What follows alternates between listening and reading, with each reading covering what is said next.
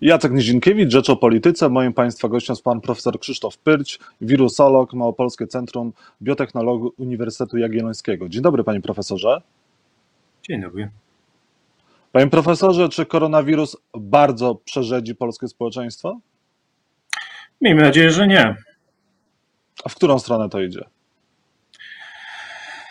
No teraz się tak naprawdę wchodzimy w trudny okres. Tak naprawdę teraz wszyscy zgadujemy, co się wydarzy, bo wchodzimy w jesień. Tak jak na wiosnę wszyscy mieliśmy nadzieję doczekać lata i doczekać wiosny, żeby ta częstość przypadków spadła. Ona spadła, faktycznie wszystko poszło, e, no może nie idealnie, ale no, nie najgorzej no to teraz no ja personalnie się boję tego, że wchodzimy w jesień i tak naprawdę w tym momencie e, pojawiają się różne opinie. Pojawiają się opinie, że wirus złagodniał, pojawiają się opinie, że nie, wcale nie złagodniał.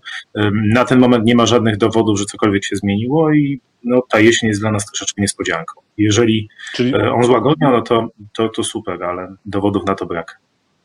Czyli według Pana wirus wcale nie złagodniał, tak jak y, chcą chociażby przedstawiciele y, władzy? To znaczy, powiem to tak, y, nie ma żadnych danych, które pokazują, że ta odmiana wirusa jest w jakikolwiek sposób inna niż ta, którą zarażaliśmy się na początku tego roku. Y, ok, pojawiły się zmiany, które, które sugeruje się, że wpływają na łatwość przenoszenia się tego wirusa.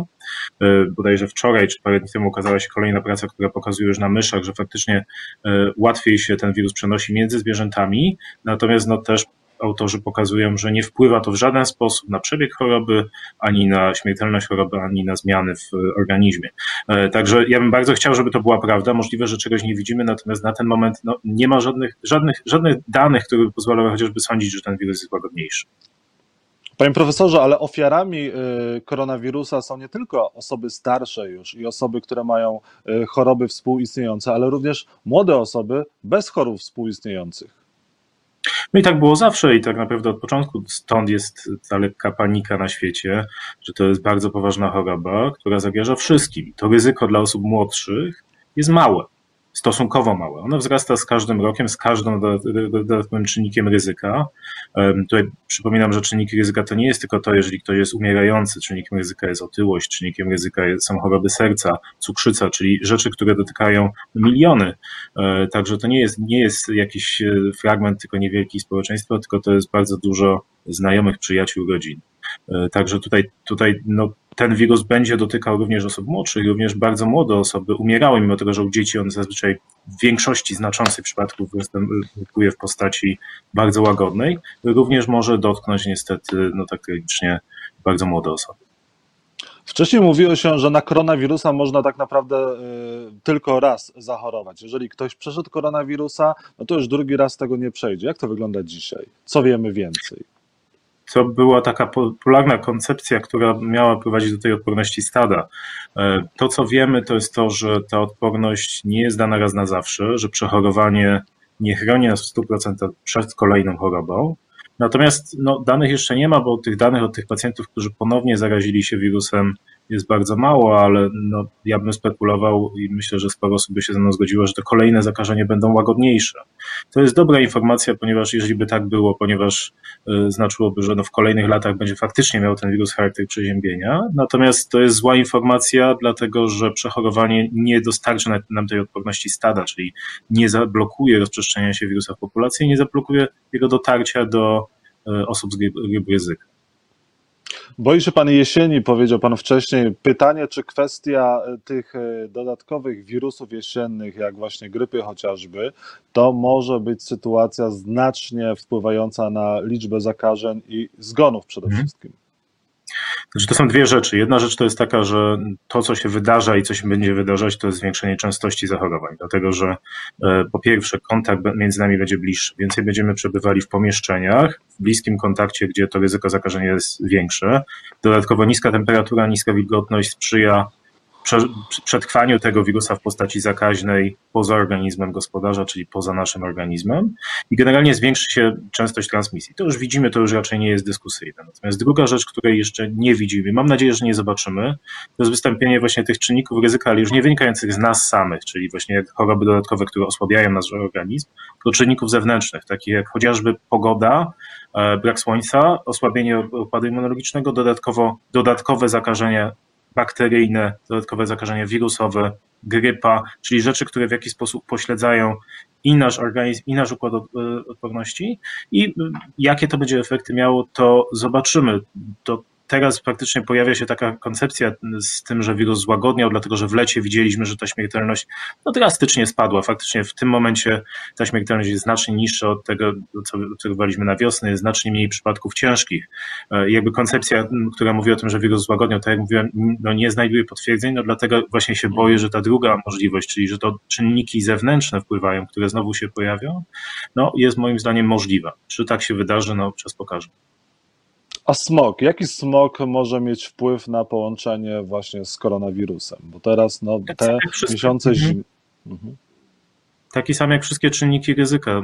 Smog, zanieczyszczenie też upośledza funkcjonowanie naszych płuc, upośledza czynność naszych płuc, w związku z tym e, no, potencjalnie może wpłynąć. Mówię potencjalnie, dlatego że już na wiosnę obserwowano bardzo wysoką korelację pomiędzy ciężkim przebiegiem, a właśnie smogiem, e, czy miejscami, gdzie ten smog występował. Oczywiście tutaj można polemizować, bo tych czynników e, związanych ze smogiem jest bardzo dużo, chociażby bardzo duże zagęszczenie populacji, które też będzie korelowało ze smogiem.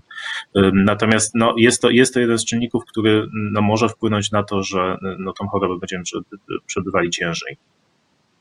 A co musimy y, zrobić, żeby ta walka z pandemią przebiegała lepiej, skuteczniej, żebyśmy byli mniej mhm. narażeni? Pan ma jakieś e, rady, jak powinniśmy się zabezpieczać, jak powinniśmy, czego powinniśmy przestrzegać, co się powinno zmienić? Znaczy ja myślę, że to jest y, to samo, co właściwie wszyscy powtarzają od wiosny, prawda, czyli zdrowego rozsądek, bo e, z jednej strony ta panika na wiosnę była bardzo szkodliwa, zarówno z tym takim wykupywaniem sprzętu medycznego, maseczek, jak i z wykupywaniem żywności. Ludzie praktycznie zaczęli się bać, czyli no, dla mnie to też była sytuacja, która była niekorzystna i też tak naprawdę była zagrażająca. Z drugiej strony y, to, co się teraz też wydarza, bardzo dużo środowisk neguje mm, sam fakt istnienia wirusa, neguje, że on w ogóle powoduje jakąkolwiek chorobę. No tutaj no niestety matematyka jest zabójcza. No już COVID przebił największych zabójców, przebił malarię, przebił e, wirus HIV pod kątem e, liczby ofiar śmiertelnych, a my jeszcze nie dotarliśmy do końca roku.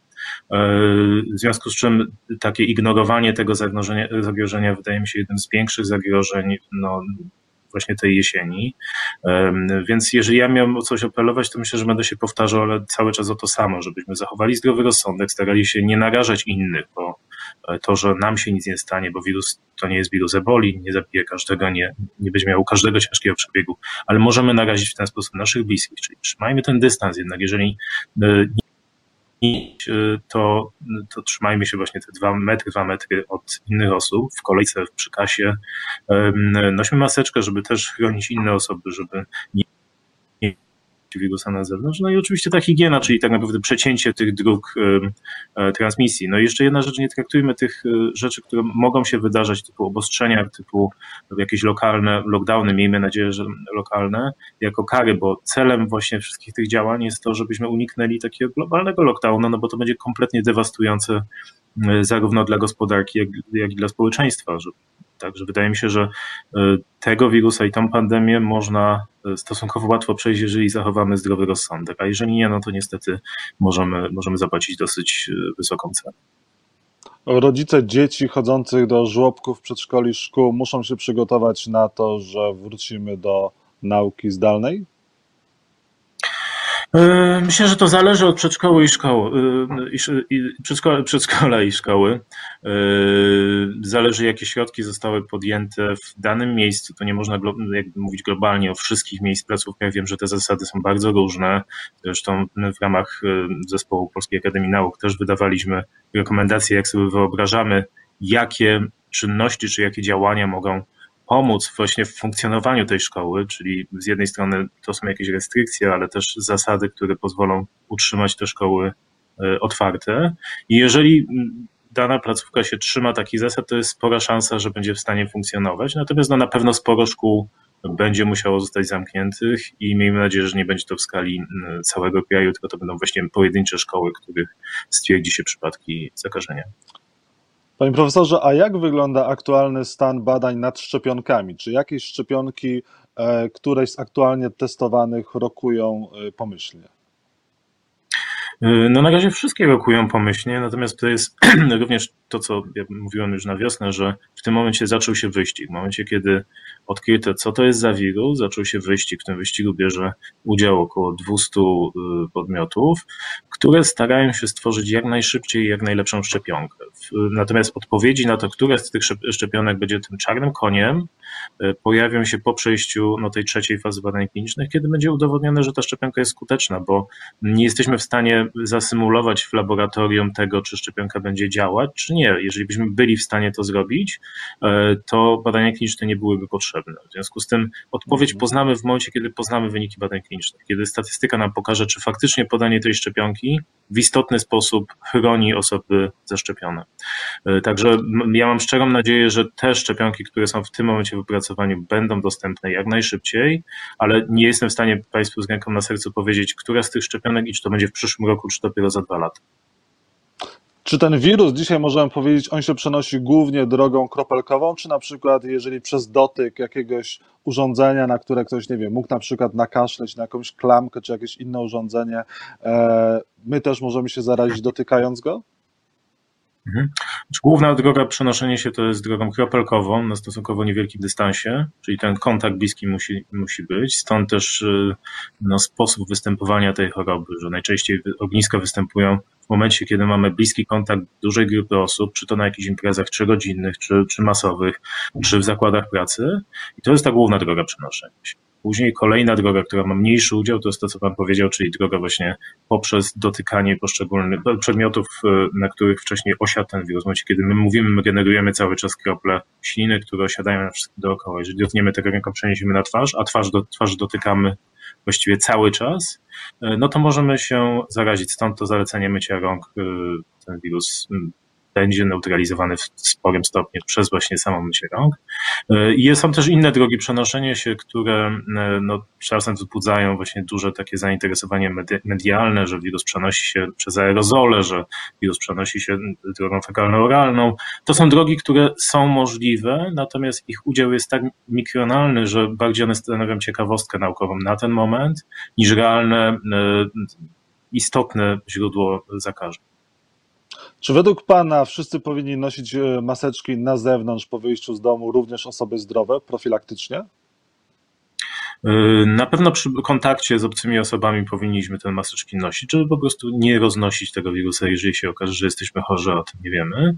Y, jeżeli chodzi o noszenie tych maseczek na zewnątrz, no to y, tu wszystko zależy po pierwsze od sytuacji epidemiologicznej w danym regionie. Jeżeli oczywiście ta sytuacja będzie dramatyczna, no to to noszenie maseczek, czy bardzo złe to noszenie maseczek również przy kontaktach w tłumie na zewnątrz ma sens, natomiast no na pewno nie ma sensu noszenie w momencie, kiedy jesteśmy w lesie, czy, czy, czy jesteśmy sami gdzieś na świeżym powietrzu. Zresztą ta transmisja na świeżym powietrzu też jest bardzo utrudniona. Także no, głównie ja bym się tutaj skupił jednak na noszeniu tych maseczek w pomieszczeniach i w tłumie. Panie profesorze, i na koniec, kiedy ta pandemia się skończy? Y, to jest dobre pytanie. To znaczy, pandemie generalnie, tak patrząc historycznie, to zazwyczaj trwają dwa lata. Więc można powiedzieć, że dać takie, takie, takie stwierdzenie, że dwa lata, co może być w tym wypadku niestety nieprawdą, ponieważ czynimy spore wysiłki na to, żeby jednak uratować sporo, sporo osób. W związku z tym ta dynamika może zostać zmieniona. Dzięki temu nie będzie to, miejmy nadzieję, powtórka z 18 roku 100 lat wcześniej. Natomiast no, jak ta dynamika będzie wyglądała przy tak dużej ingerencji w przebieg, no to się okaże. Miejmy nadzieję, że ona potrwa nawet krócej, jeżeli będzie dostępna szczepionka, ewentualnie jeżeli pojawią się leki, które pozwolą e, zmniejszyć tą śmiertelność do, do niższego poziomu. Wirusolog profesor Krzysztof Pyryć był Państwa i moim gościem. Bardzo dziękuję Panie Profesorze za rozmowę. Bardzo dziękuję. Miłego dnia.